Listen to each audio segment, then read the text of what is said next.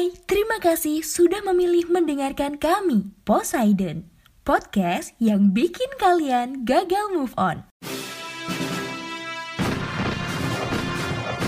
Saya berbicara di sini sebagai penyambung lidah rakyat Indonesia.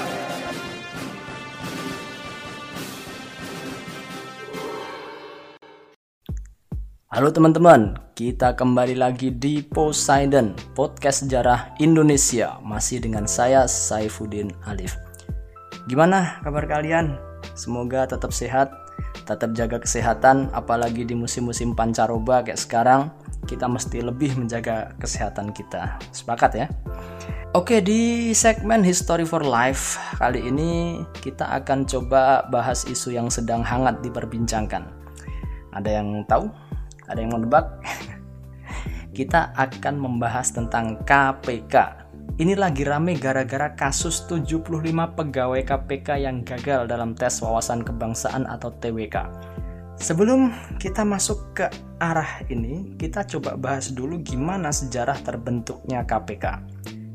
Jadi, KPK ini kan dibentuk berdasarkan Undang-Undang Nomor 30 Tahun 2002 mengenai Komisi Pemberantasan Tindak Pidana Korupsi atau KPK.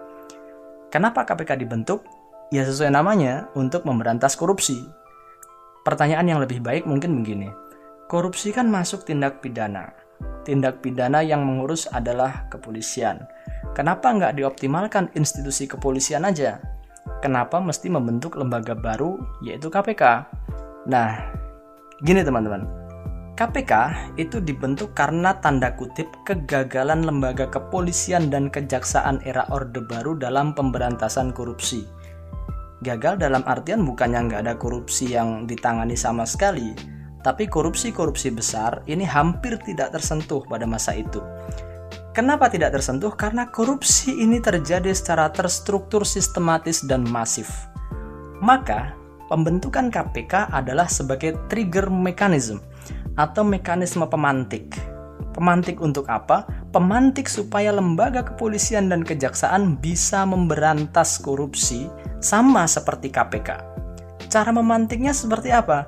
Caranya dengan memberikan amanat kepada KPK untuk menyelesaikan korupsi-korupsi besar dan atau menarik perhatian masyarakat di atas satu miliar yang dilakukan oleh pejabat negara atau pejabat publik.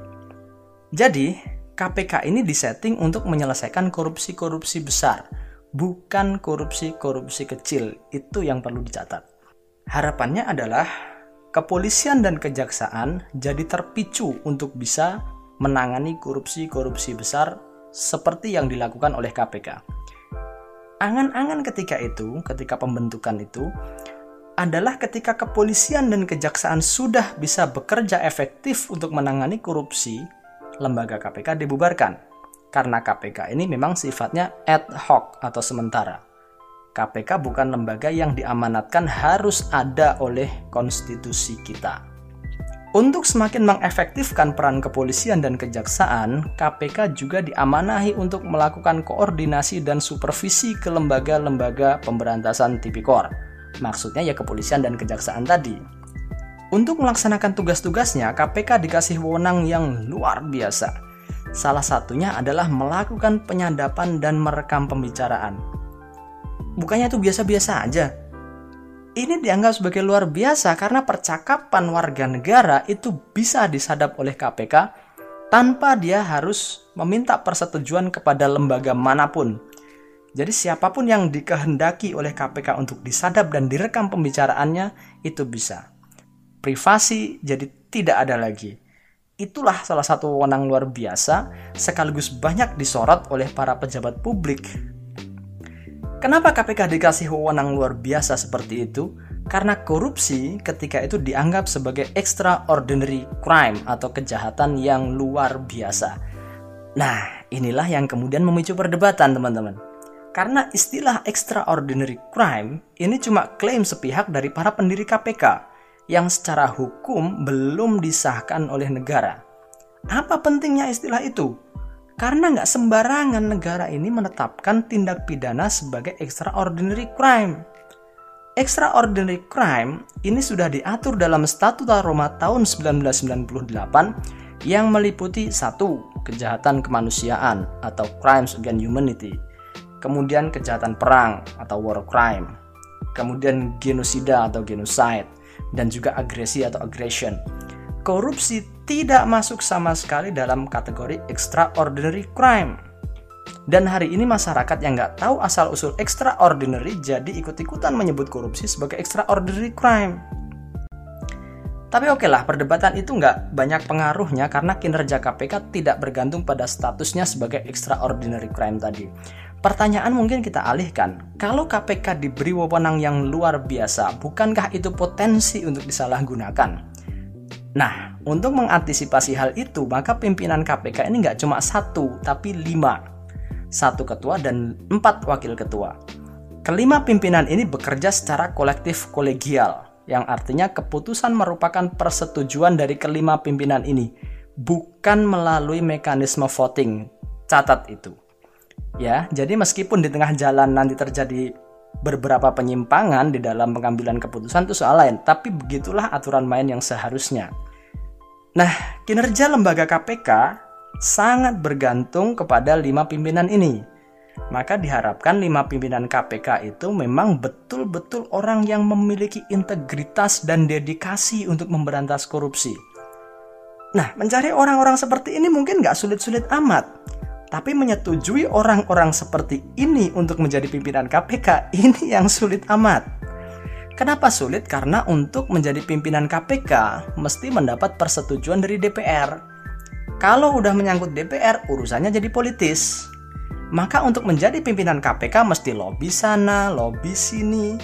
Lobby sana sini tentu berefek pada kesepakatan-kesepakatan yang sifatnya juga politis ini bukan tuduhan gombal ya. Ini diakui oleh Ketua KPK pertama Pak Taufikur Rahman Ruki bahwa dia juga melakukan hal yang seperti itu. Kalau yang lebih sana sini orang-orang keren, it's okay. Tapi kalau enggak, gimana coba? Ini yang kemudian menjadi masalah di dalam tubuh KPK. Oke, soal kasus-kasus di KPK tidak akan kita bahas satu persatu, kita akan langsung lompat ke revisi Undang-Undang KPK. Wacana ini sebenarnya sudah ada sejak masa SBY, tepatnya tahun 2010, tapi terus-menerus gagal. Kenapa gagal? Di satu sisi KPK ini seperti tidak mau direvisi, karena wewenang luar biasa yang selama ini sudah dinikmati. Tapi di sisi yang lain, revisi yang dilakukan ini nggak substansial-substansial amat, sehingga terkesan sebagai upaya melemahkan KPK.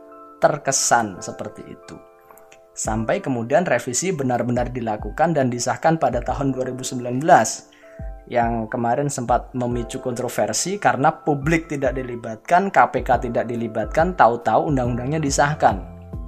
Poin-poin revisi adalah satu, ini akan kita bahas yang penting-penting aja ya. Satu, kedudukan KPK disepakati sebagai cabang eksekutif. Ini memang polemik sejak pra-revisi.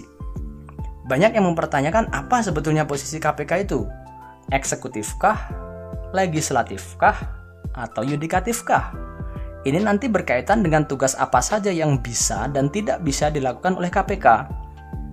Mahfud MD pernah berpendapat kalau KPK adalah kuasi yudikatif, yang artinya lembaga yang kedudukannya mirip-mirip lembaga pengadilan. Tapi ini dibantah oleh Yusril Iza Mahendra bahwa KPK kalau mau dibilang kuasi, lebih dekat kepada kuasi eksekutif karena dia melakukan penegakan hukum yang itu ada pada ranah eksekutif. Nah, di Undang-Undang versi revisi inilah kemudian diperjelas statusnya. Tapi, meskipun masuk ranah eksekutif, KPK tetap independen. Artinya meskipun ketua KPK dilantik oleh presiden, tetapi perannya tidak tergantung pada perintah presiden. Artinya, ketika presiden itu diduga melakukan tindak pidana korupsi, maka presiden pun dapat disidik oleh KPK. Tidak bergantung pada perintah presiden. Ini yang membedakan dengan penegak hukum yang lain seperti kepolisian dan kejaksaan. Poin kedua, pegawai KPK akan dialih statuskan menjadi ASN atau aparatur sipil negara. Sebelum masuk ke situ, kita lihat dulu kenapa status ini menjadi satu hal yang penting jadi penegak hukum yang dibiayai oleh uang negara harus memiliki status yang jelas, apakah dia ASN, TNI, atau Polri. Nah, pegawai KPK ini statusnya apa? statusnya independen. Kalau independen, kendali atas mereka praktis berada di tangan ketua KPK. Kalau ketua KPK kebetulan sedang memiliki ambisi entah politik ataupun ekonomi dan dia tidak suka dengan pejabat, maka potensi untuk bertindak sewenang-wenang ini akan muncul. Pegawai yang tidak disukai bisa dengan mudah dia pecat. Nah, inilah pentingnya status bagi para pegawai KPK itu tadi supaya dia tidak mendapatkan tindakan yang sewenang-wenang dari pimpinan KPK. Oke, singkat kata kemudian diadakan tes yang salah satunya adalah tes wawasan kebangsaan atau TWK. Tes ini diusulkan secara ngotot oleh Ketua KPK sekarang, yaitu Firly Bahuri.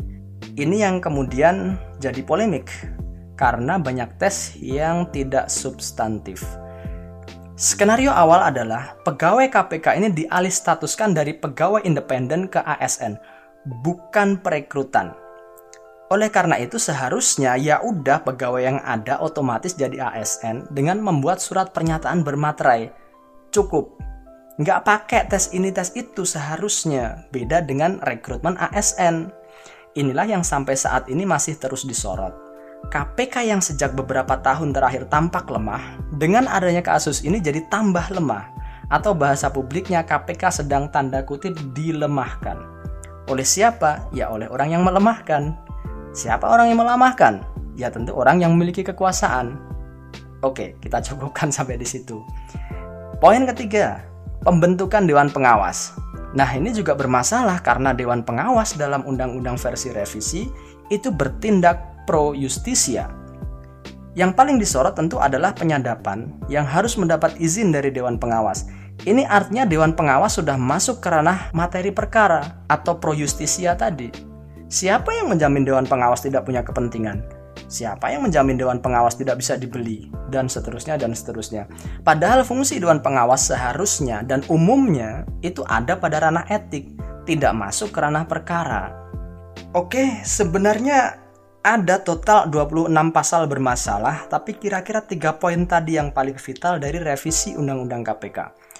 Banyaknya poin bermasalah dari revisi Undang-Undang KPK dan banyaknya protes dari masyarakat ini kemudian ditangkap oleh DPR. Sehingga pada Maret tahun ini ada wacana untuk merevisi kembali Undang-Undang KPK. Ya kita doakanlah apa pun itu hasilnya semoga membawa kebaikan pada kita semua. Sekarang kita masuk ke pertanyaan. Kalau menurut Anda sebaiknya bagaimana pemberantasan korupsi di Indonesia ini? Nah, kalau pertanyaan seperti itu saya harus subjektif. Meskipun tidak populis, saya harus mengatakan bahwa saya sependapat dengan konsepnya Fahri Hamzah yaitu bubarkan KPK, termasuk lembaga-lembaga independen yang lain seperti Komnas HAM dan LPSK. Waduh, berarti nggak ada pemberantasan korupsi dong? Bukan begitu, tapi lembaga-lembaga tadi itu dilebur ke dalam ombudsman dan bertindak sebagai lembaga pengaduan. Jika ditemukan penyimpangan dalam pelayanan publik, di situlah lembaga-lembaga tadi baru bekerja sebagai penegak hukum. Kenapa saya setuju dengan pendapat ini? Karena model KPK yang sekarang ini terbukti tidak menciptakan sistem yang anti korupsi. Korupsi besar banyak ditangkap? Iya, oke, okay, bagus. Tapi sistem yang korup ini belum banyak berubah. Padahal sistem yang korup ini terasa ke tingkat masyarakat yang paling bawah. Ya, kira-kira seperti itu. Mungkin itu dulu yang bisa saya sampaikan. Intinya masih banyak PR dalam pemberantasan korupsi di Indonesia. Karena terakhir tahun 2020, indeks persepsi korupsi di Indonesia ada di angka 37 turun 3 poin dari tahun 2019. Nilai 0 itu artinya sangat korup dan 100 itu sangat bersih. Jadi nilai 37 menunjukkan bahwa Indonesia masih tergolong sebagai negara yang korup. Ngeri kan?